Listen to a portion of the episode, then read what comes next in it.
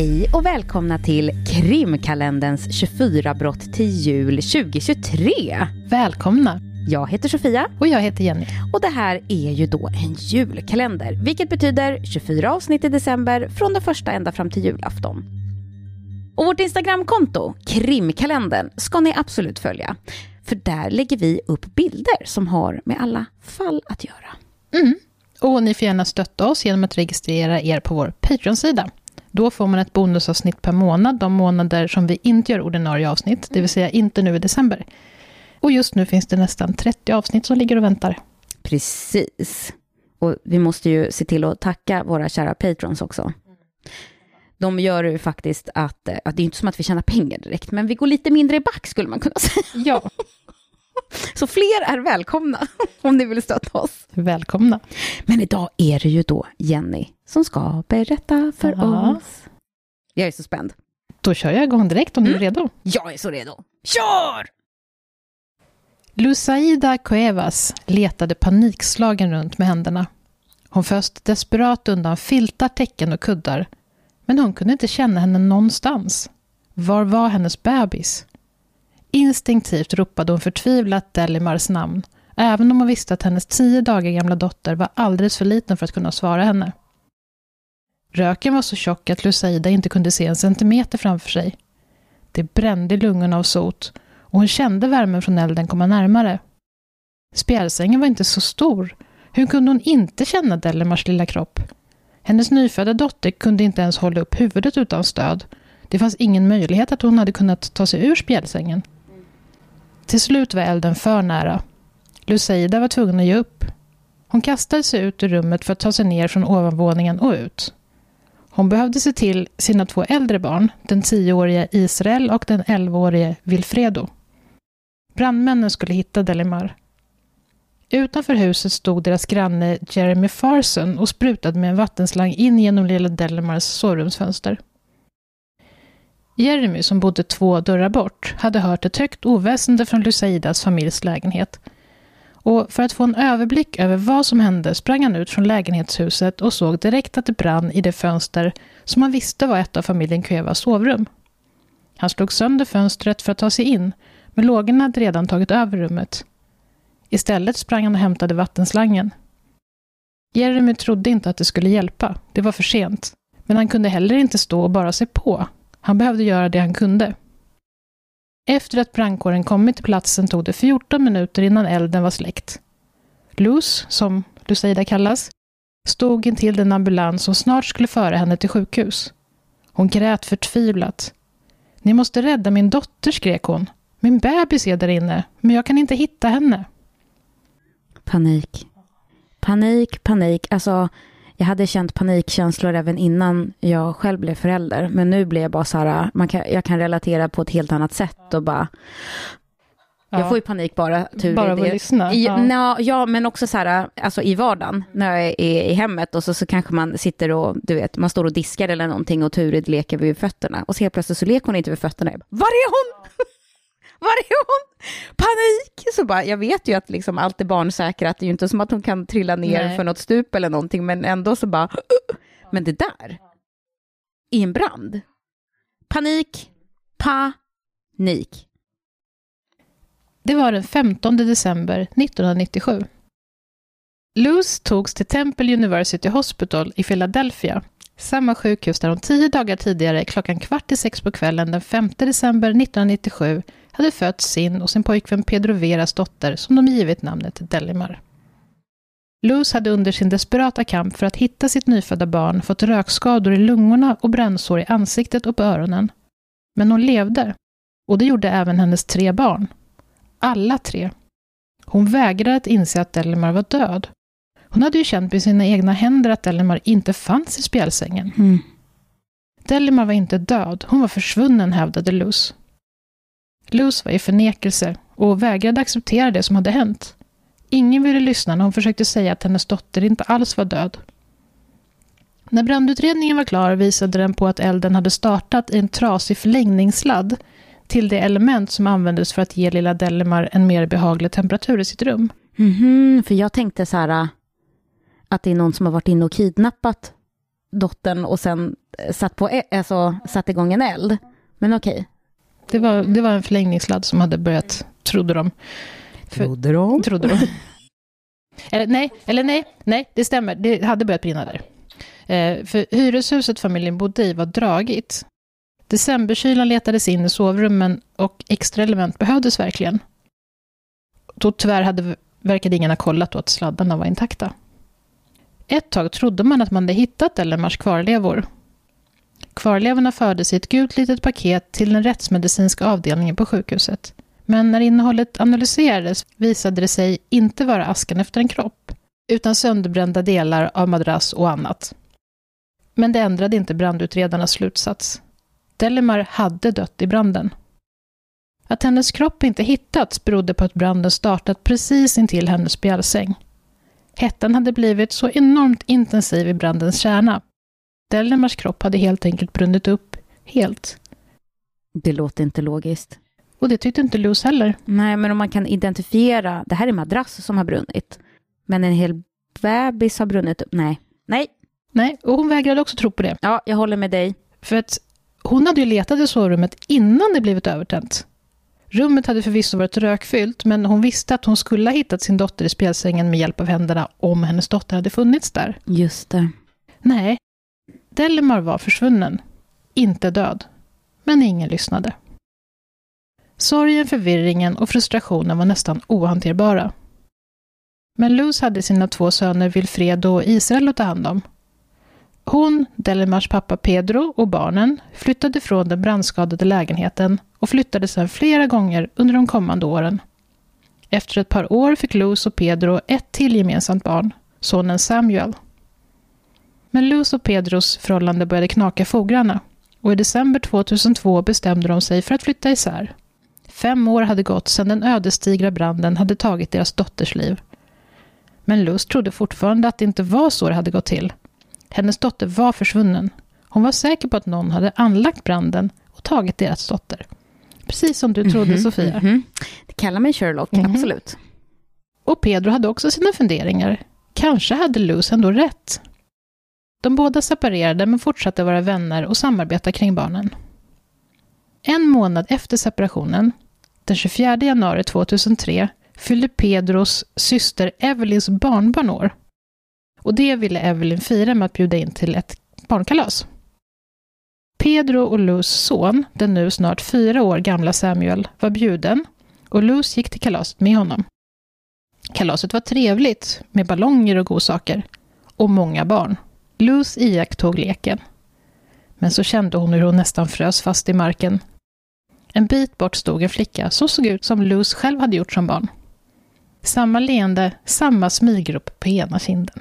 Mhm. Luz gick försiktigt fram till flickan och började prata. Flickan hette Alaya och skulle fylla sex. Tiden stannade. Världen ställdes på ända. Men ändå var det självklart.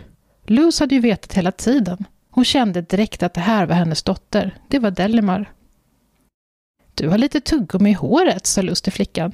Ska jag hjälpa dig att ta bort det? Alaya Oh, oh, nickade. oh, oh. Är det Du DNA? förstår vad man skulle göra, eller? Nej, vad smart. Luz låtsades försöka få loss det icke-existerande tuggummit ur Alayas hår och drog samtidigt loss några hårstrån från flickans huvud. Alltså, jag vet inte om jag hade fattat mig så Nej, snabbt och men bara, det- nu gör jag en plan här och genomför den. Smart. Och, och det gjorde hon. Och sa att oj, oj, oj, vad tuggummit satt hårt fast. Hoppas att det inte gjorde ont. Luz smög ner de fem hårstråna i en servett och sen ner i en plastpåse som hon stoppade i fickan. När kalaset var slut och hon och Samuel kommit hem ringde Luz till Pedro och berättade vad som hade hänt. Senare har Pedro hävdat att det inte alls var Luz som hade gått på kalaset tillsammans med Samuel. Det var han Pedro som hade tagit med sig Samuel dit. För trots allt var ju kalaset hos hans syster Evelyn. Ja, jo. Mm. Eh, Han hade fått syn på Alaya och direkt slagits av hur lik hon var både Luz och honom själv. När han hade kommit hem hade han sen kontaktat Luz. Och då hade hon berättat att hon hade misstänkt samma sak länge. Ja, kring, kring just den här Ja. Alaya. Och att hon hade tagit hårstrån, Jaha, Från henne. Mm, okej. men på ett kalas ett år tidigare. Och sen dess hade hårstråna legat i hennes kassaskåp. Och varför hon i så fall inte sa någonting till Pedro om det här redan ett år tidigare, det är väldigt oklart. Man kan i alla fall konstatera att det finns olika versioner av hur det gick till när Delimar och Vera hittades vid liv. För det var såklart Delimar. Det var Luz och Pedros snart sexåriga, dödförklarade dotter. Luz och Pedro lämnade via polisen in hårstråna till DNA-analys som bevisade det de redan visste. Jag undrade just för att jag tänker att hade det här hänt idag så hade man ju kunnat skicka in det till x antal olika hemsidor som liksom gör, ja, gör att man hittar släktingar. Men hur gjorde man liksom tidigt 00-tal? Det här var ju liksom precis i början när man kunde, så de gick ju till polisen som fick mm. göra det. Men vad, vad, vad ljuvligt att du inte hade liksom en del av manuset som gick ut på att de fick kämpa för att få DNA-test, utan vad skönt att det, alltså om man själv är helt övertygad och bara, men jag vill jag vill få bevis för det jag ja, redan vet. Liksom. Och av källorna att döma så gick det enkelt. De gick till mm. polisen och sa att kan ni testa de här och så gjorde de det. Ja, vad skönt. Men vad var det egentligen som hade hänt? Var hade Delimar varit under de här åren? Delimar, eller Alaya, hade vuxit upp med det hon hade trott varit sin mamma, Carolyn Correa, sin pappa Andre Moore och två syskon. Carolyn och Andre var numera skilda, men goda vänner. Carolyn var ingift kusin till Pedro och bodde två mil från Luz och hennes barns bostad. De två familjerna var alltså släkt på lite avstånd. Mm, jag tänkte just det med tanke på att de var på samma kalas. Ja. De verkar inte känt varandra jättenära, men Caroline togs in för förhör. Hon förstod ingenting. Alaya var hennes dotter. Hon hade ju själv fött henne. Hon hade ett födelsecertifikat. Hon hade varit gravid samtidigt som Luth och hade fött sin dotter Alaya sju dagar efter att Luth hade fött Telmar. Förlossningen hade gått så snabbt att hon inte hade hunnit till sjukhuset utan fött i sitt eget badrum den 12 december klockan halv tre på eftermiddagen. Efter att Caroline hade fått höra om Luth och Pedros misstankar och om DNA-testet de hade gjort på de fem hårstråna så skickade Caroline själv efter ett DNA-test. För det betalade hon 638 dollar vilket motsvarar drygt 10 000 svenska kronor i dagens penningvärde. För att hon kände att någonting måste blivit fel med det test som Luz och Pedro hade ordnat. Caroline kallades in till ytterligare förhör och efter att först ha varit försvunnen i ett par dagar så tog hon sig frivilligt till polisstationen. Hon fick väl panik först och liksom ja, för, Förståeligt om, om hon inte har någonting med detta att göra. Nej. Och när hon väl liksom gav sig till känna så häktades hon direkt på starka skäl misstänkt för kidnappning. En borgen på en miljon dollar sattes, vilket innebar att Caroline skulle tvingas sitta häktad fram till rättegången.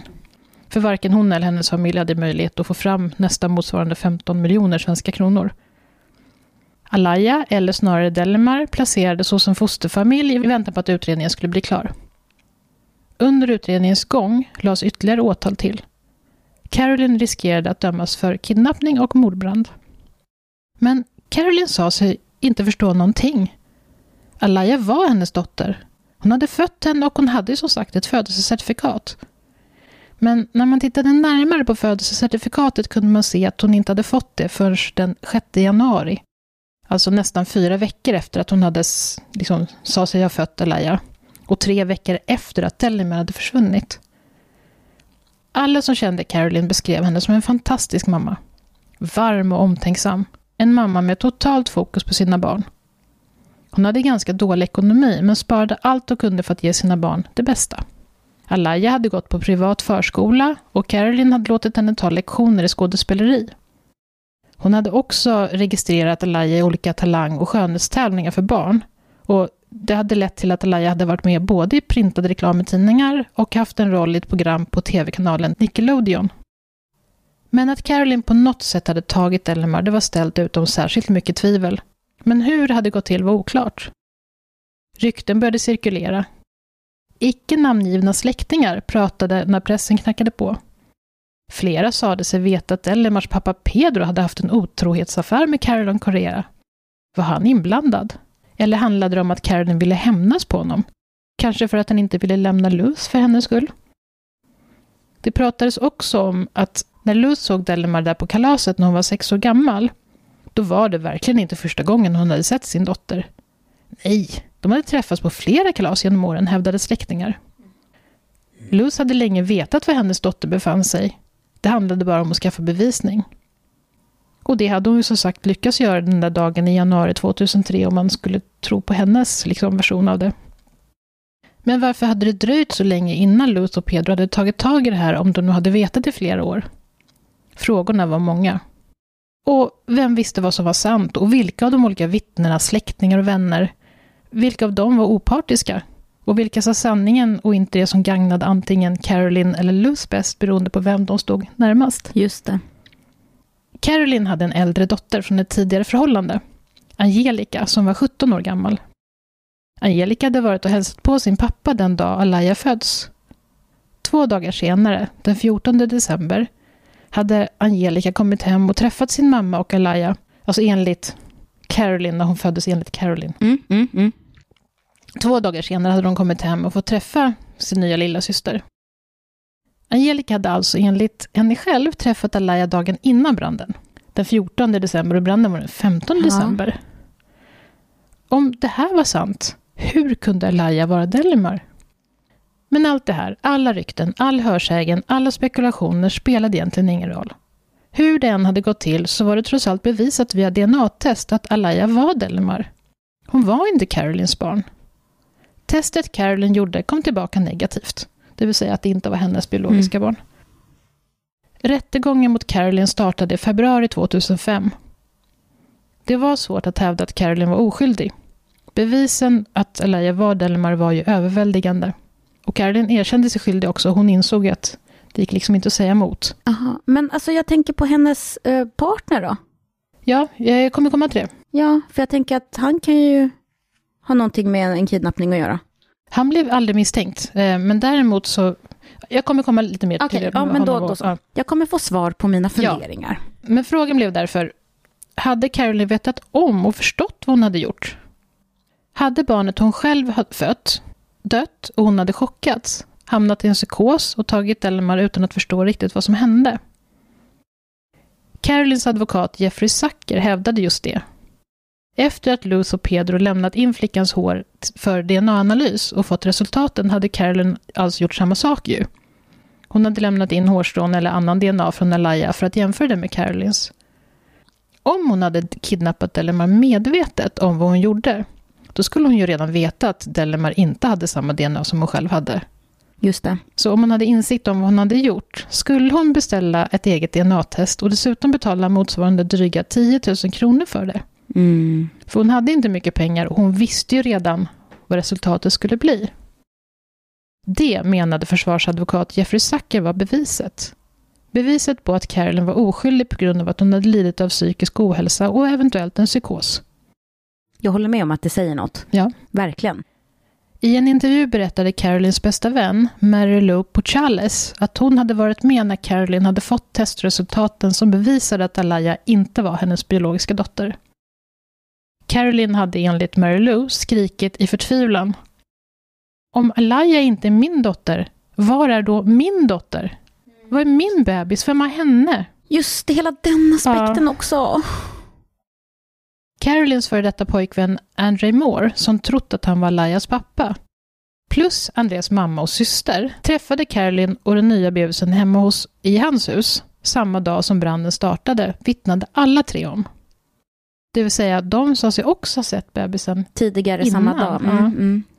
Carolyn och Andrea var alltså ett par vid den tiden, men bodde inte ihop. Hur kunde det ha varit Elmer de såg då? Och Carolyns dotter Angelica sa sig ha sett Elia också dagen innan det. Enligt Mary Lou, alltså vännen, hade Carolyn tagit med sig Elia till Lous hus efter att hon hade varit hemma hos André, samma dag som branden, för att träffa Luz och hennes nya bebis Delamar. Det var i alla fall vad Carolyn hade berättat för Mary Lou när Mary Lou besökte Carolyn i fängelset. Mm, det där är ju också så här... äh, Det är svårt att minnas hur det var sex år tidigare. Ja, Min pappa har en sån här äh, årsdagbok, mm. tio år. Vilket är jätteroligt. Så att äh, nu kring när min dotter fyllde år så var jag så här, "Och vad står det? För ett år sedan. Så bara, Sofia åkte in till BB, bla Ja. bla bla och så här. Och det är ju jättetrevligt. Men annars, om man inte har en sån, så vet jag inte om man skulle bara, jo, det var den 15 december för sex och ett halvt år sedan. ja nej. Det är ju omöjligt. Alltså, fine, så här, ja, men jag träffade din dotter första gången när, det var ju dagen efter du hade kommit hem från sjukhuset, det var ju två dagar efter att du hade, ja, ja, ja nej, mm. Jag håller med. tveksamt om, om man kommer ihåg sånt. Men om det här nu i alla fall stämmer så hade Caroline sagt att hon hade ont någonstans och Luz hade givit Caroline en värktablett. Efter att Caroline hade tagit den här värktabletten hade hon börjat känna sig yr och dåsig. Sen hade hon fått skjuts av Pedro, alltså Delimars pappa, som då hon var ingift släkting till. Just det, på, dåvarande pojkvän. Precis, Mm. just dåvarande pojkvän. Vid midnatt hade Caroline kommit tillbaka till vännen och hämtat upp Alaya. Mary Lou kontaktade den här vännen efter att Mary Lou kommit hem från sitt besök i fängelse och enligt Mary Lou så hade vännen bekräftat det här, att vännen hade också träffat Alaya innan branden. Mm.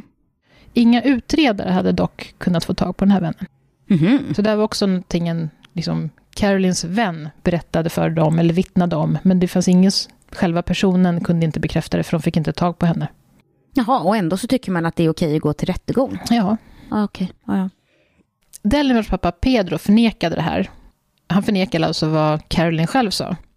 Ja, det stämde att hon hade kommit hem till Luth och honom, och där hade även han själv befunnit sig. Caroline hade kommit klockan halv fem på eftermiddagen och hon hade inte haft någon bebis med sig.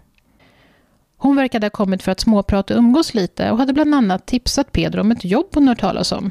En arbetsplats där hon hade lite kontakter och kanske kunde hjälpa honom att få arbete. Det stämde även att de sen tillsammans hade åkt till en vän. Enligt Pedro var det en annan kusin. Okej, så att det han säger inte stämmer är att hon hade inte med sig något barn Nej. och hon fick inte en värktablett och blev dåsig. Precis. Ja, okej. Men när de hade varit hemma hos den här andra kusinen en kort stund så hade Caroline upptäckt att hon hade glömt sin handväska hemma hos Luz. Och hon hade åkt tillbaka för att hämta den. Själv. Mhm. Pedro hade stannat hos kusinen.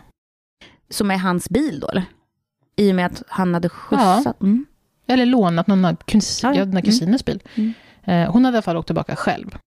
En och en halv timme senare hade Caroline kommit tillbaka, hysterisk uppriven.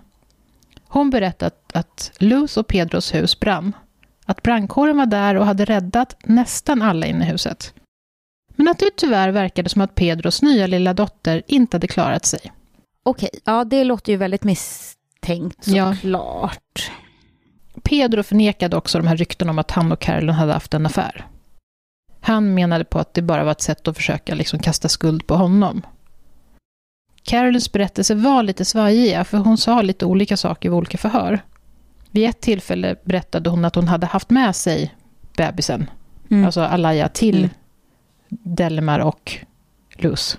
Och vid ett annat tillfälle, som i förhöret, sa hon att hon hade lämnat in barnet, eller haft en, ba, en barnvakt till Mm. barnet. Vid ett tillfälle så ska hon ha sagt att Pedro hade givit Delimar till henne. Att han alltså var delaktig i kidnappningen. Ja, så nu erkänner hon det plötsligt. Ja, ja, till och från. Hon tar tillbaka och hon... Ja, det är som att hon gräver i sitt eget sinne och bara, Ja, kan jag ha gjort det här? Hur har det i så fall Ja. gått till? Hmm, skumt. Alltså samtidigt så är det så här, för att där ska ju hennes dotter, hon ska ha fött tre dagar tidigare. Mm. Jag hade inte åkt och hälsat på någon tre dagar efter att jag Nej. födde.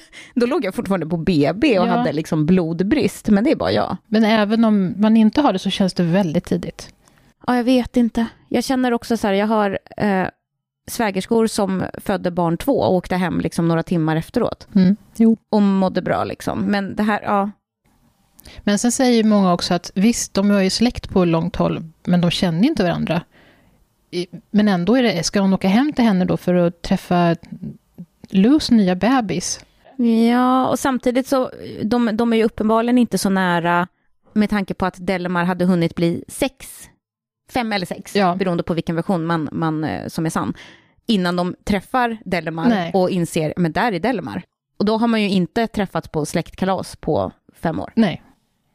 Det, det är rörigt. Mm. Och värre kommer det bli. Okej. Luz berättade under rättegången att det stämde att Caroline hade kommit på besök, utan bebis, precis som Pedro sagt, och att hon hade varit i huset när branden hade börjat. De hade varit inbegripna i ett samtal när det hade hörts någon typ av explosion från ovanvåningen där sovrummen fanns. Jag trodde de låg och sov. Jag tror inte att jag har sagt någonting om vad de gjorde då. Nej, jag, jag föreställer mig bara det så här på inledningen, Ja. att hon började känna i, Ja. i sängen. Då tänkte jag, då var hon i sängen och sov. Ja. Ja, nej, men bebis, bebisen ska ju ha varit i, men, men inte, okej, då är jag med. inte Luz. Men det kommer komma fler versioner. Så att, eh, Vilken tur! Men när de hörde den här lilla explosionen så kastade sig Luz upp för trapporna och började söka efter sin dotter. Men som vi vet så hittade hon henne inte. Var Caroline tog vägen visste inte Luz riktigt. Hon hade liksom tappat fokus på henne såklart. Ja, ja. Mm. Men inte heller den här versionen stämmer, enligt vissa personer. Om du minns Jeremy Farson som var grannen som försökte släcka branden, Just det. så hade Luz inte alls varit hemma när branden startade. Och inte hennes två äldsta barn heller. Barnen hade i själva verket varit hos sin mormor, alltså Luz mamma, eftersom Luz var ute och sökte jobb. Och då får man ju tänka att hon hade Delamar också, får man anta. Mhm, hade henne med sig. Ja, Mm. hur han visste var barnen var, det är oklart. Om han hade hört det direkt från Luz eller om det bara var en del av ryktespridningen och alla spekulationer som omgärdade branden och kidnappningen. Men Luz hade enligt Jeremy Farson i alla fall i själva verket kommit till huset strax efter att brandkåren kommit till platsen och därefter kastat sig in i huset panikslaget skrikande efter sitt barn. Enligt Jeremy ska flera grannar ha försökt stoppa Luz från att springa in i huset och leta efter sin dotter, men hon slet sig loss. Hur den gick till så vet vi en sak. När branden nästan var släckt och ambulans kommit till platsen så finns det en tv-inspelning från ett nyhetsinslag där man kan se Luz stå intill ambulansen. Hon ska snart få liksom lastas in och åka till sjukhuset. Och bredvid henne står Caroline. Nej. Caroline hävdade under rättegången att Luz hade träffat Alaya flera gånger under årens lopp. Precis som vissa av rykten hade gjort gällande redan innan.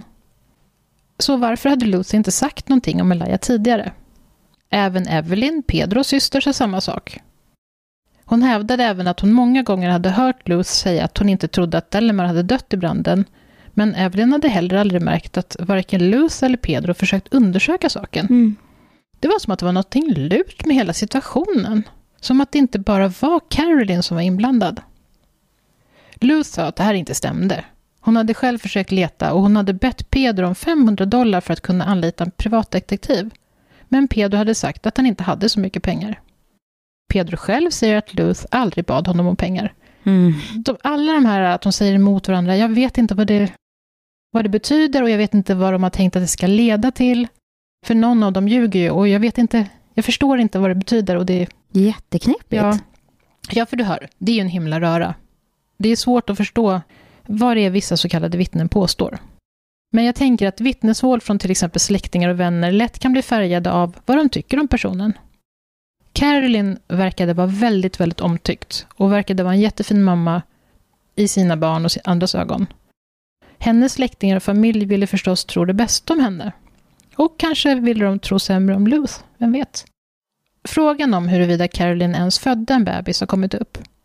Hennes dåvarande pojkvän André, som trodde att han var Alayas biologiska pappa, säger att han har varit med under hela graviditeten. Han hade sett att Caroline var gravid. Det hade inte varit liksom fejkat. Men ja, 1997, jag tänker att då fanns det ju absolut kameror, man borde ha liksom bild, gravidbilder. Ja, gravidbilder och de flesta går ju också på kontroller. Ja, just det. Och det har jag inte läst någonting om. Nej. Mer bara att han bekräftar att han har sett att hon är gravid. Och Caroline, hon hade haft det tufft med sina tidigare graviditeter. Hon hade tidigare haft två missfall.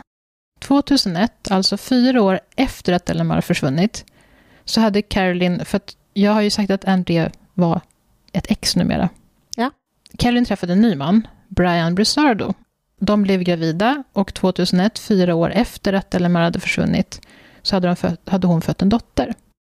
Och dottern hade fötts med ett hjärtfel och dött bara några timmar efter födseln. Så Caroline har ju liksom haft det svårt, haft flera missfall och Mm. fött ett barn som dog. Så det talar ju li- kanske lite för att hon faktiskt fick ett barn, men att någonting hände. Ja, fattar. Tyvärr så hade Caroline även ett brottsregister sedan tidigare, visade det sig. 1998, året efter att Delamar försvunnit, hade hon dömts till fem års villkorlig dom efter att hon hade satt eld på ett kontor i den vårdcentral där hon arbetade som administratör. Oj! Så hon har alltså ett förflutet också med eld. Ja, det var ju inte snatteri direkt. Nej. Hon hade tydligen förskingrat pengar i form av checkar från kliniken och sen satt eld på kontoret för att försöka dölja bevisen för det brott hon hade begått. Och det här låg ju verkligen henne i fatet, det här brottet. Mediebevakningen från rättegången mot Caroline var enorm. Luz kontraktades av minst 12 olika filmproducenter som ville göra film av historien om Delimar. Mm. Luth visste först inte vad hon skulle tänka om det, men hon anlitade en advokat som var specialiserad på filmindustri och media. Om inte annat så kunde advokaten vara den som sa nej till alla som hörde av sig. För det gällde inte bara film, det var nyheterna som ville intervjua henne och Oprah ville ha henne som gäst. Mm. Alla ryckte i Luth.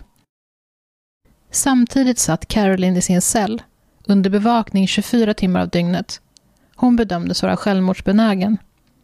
Hon fick svårare och svårare att sova på nätterna och fick ångestattacker när hon dunkade sitt huvud hårt, hårt i väggen på sin fängelsecell. En psykolog som utvärderade Caroline, Elliot Atkins, sa att han bedömde att Caroline hade hallucinationer och att hennes beteende och ångest tydde på att de faktiskt hade trott att Alaya var hennes egen dotter. Mm.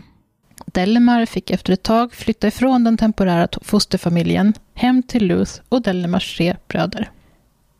Socialtjänsten hade rekommenderat att flytten hem till Luth skulle ske stegvis i långsam takt. Trots allt var det här såklart traumatiskt för Delimar.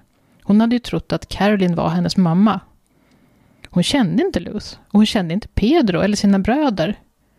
Hon hade trott att Carolines andra barn var hennes syskon.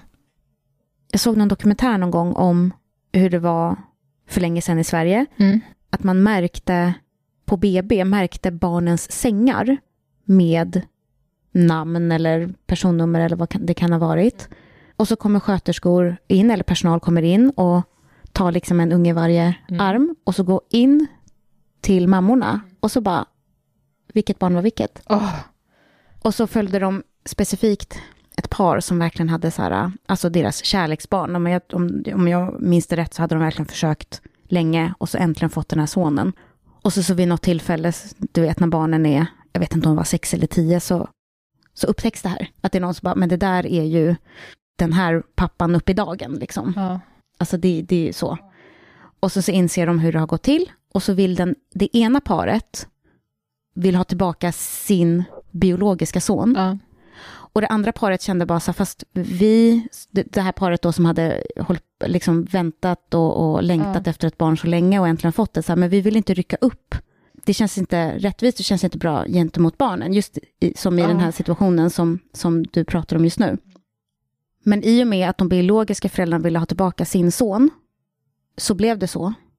Men deras biologiska son stannade i den andra familjen som de hade, han hade vuxit upp i och hela tiden sett som sina föräldrar. Så att de ena paret blev utan barn? Ja.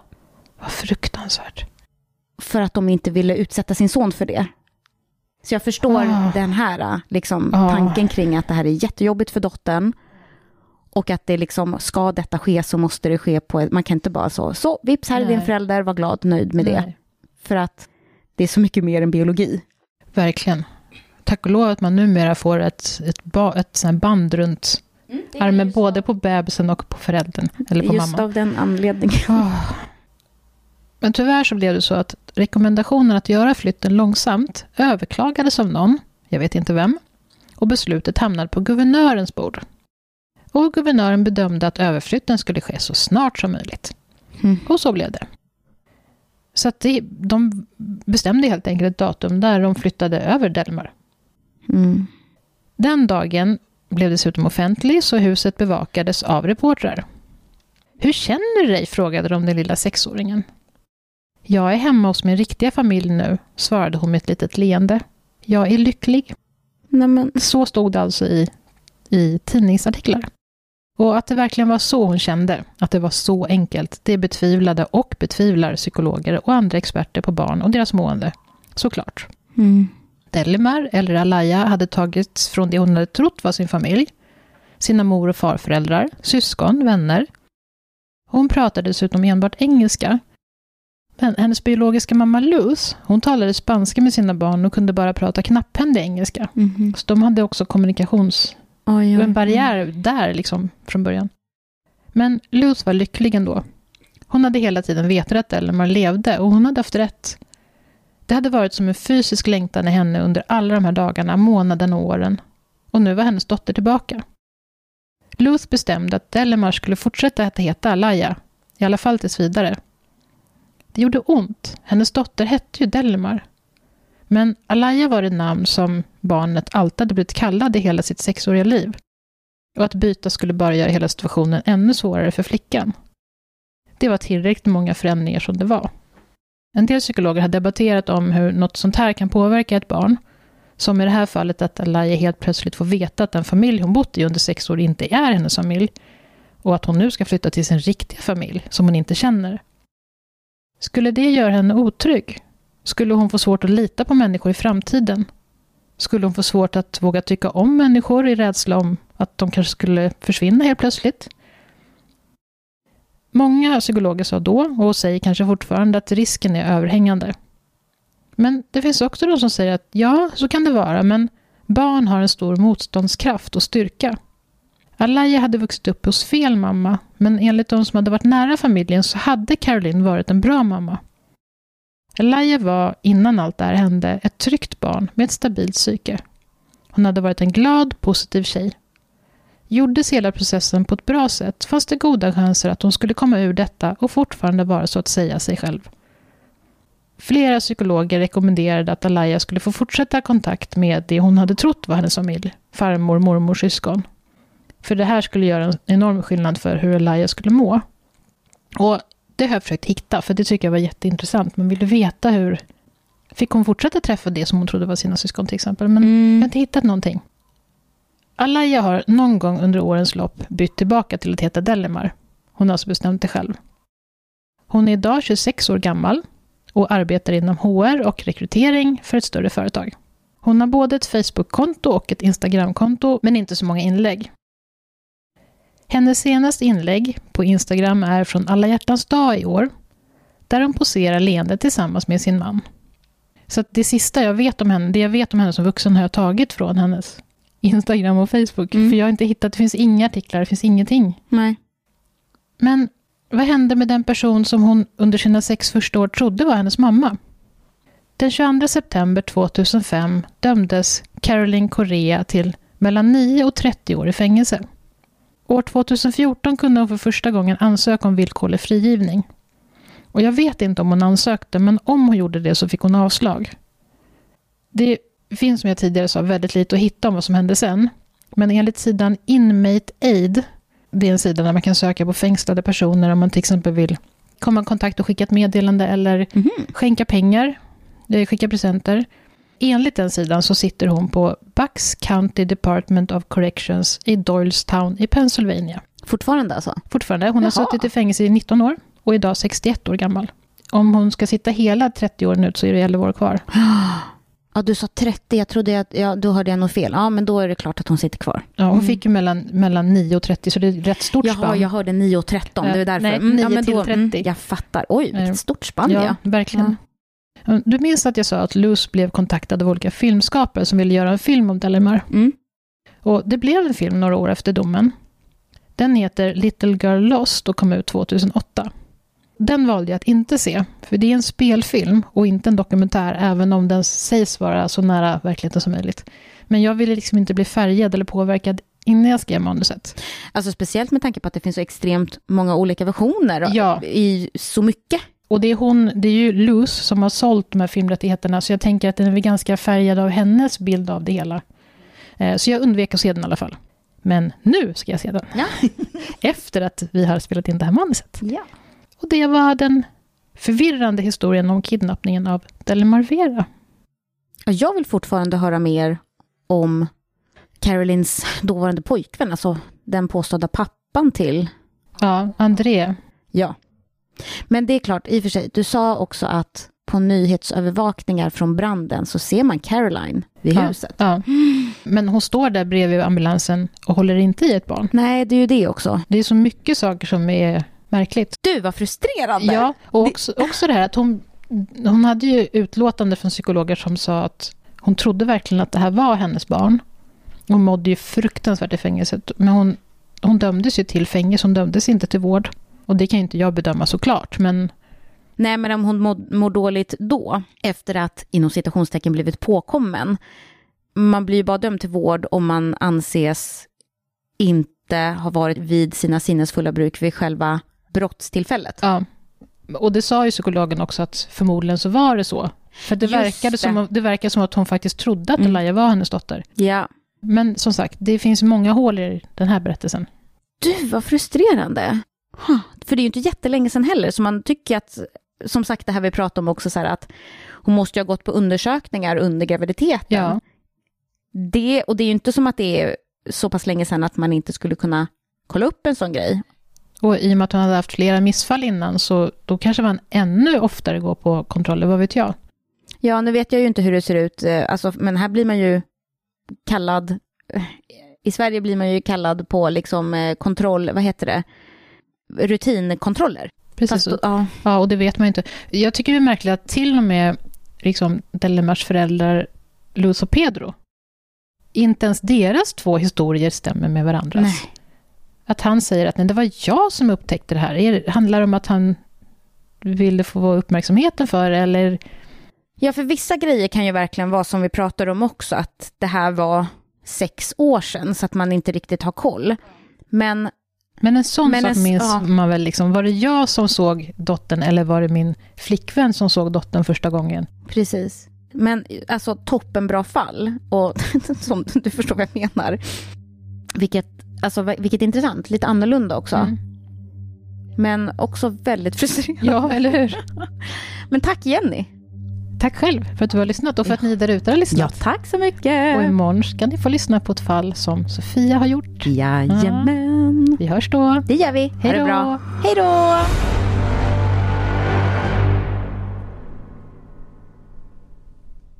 Luz låtsades försöka få bort det icke... Ex, det icke... Loose... Loose... Ugh. Loose... Loose... Ugh. Varför välja såna här ord? Det är som South Carolina, jag kan inte säga det. Usch. Okay.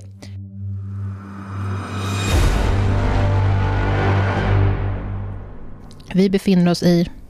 Eh, jag har inte skrivit det. Och kommer jag inte ihåg heller.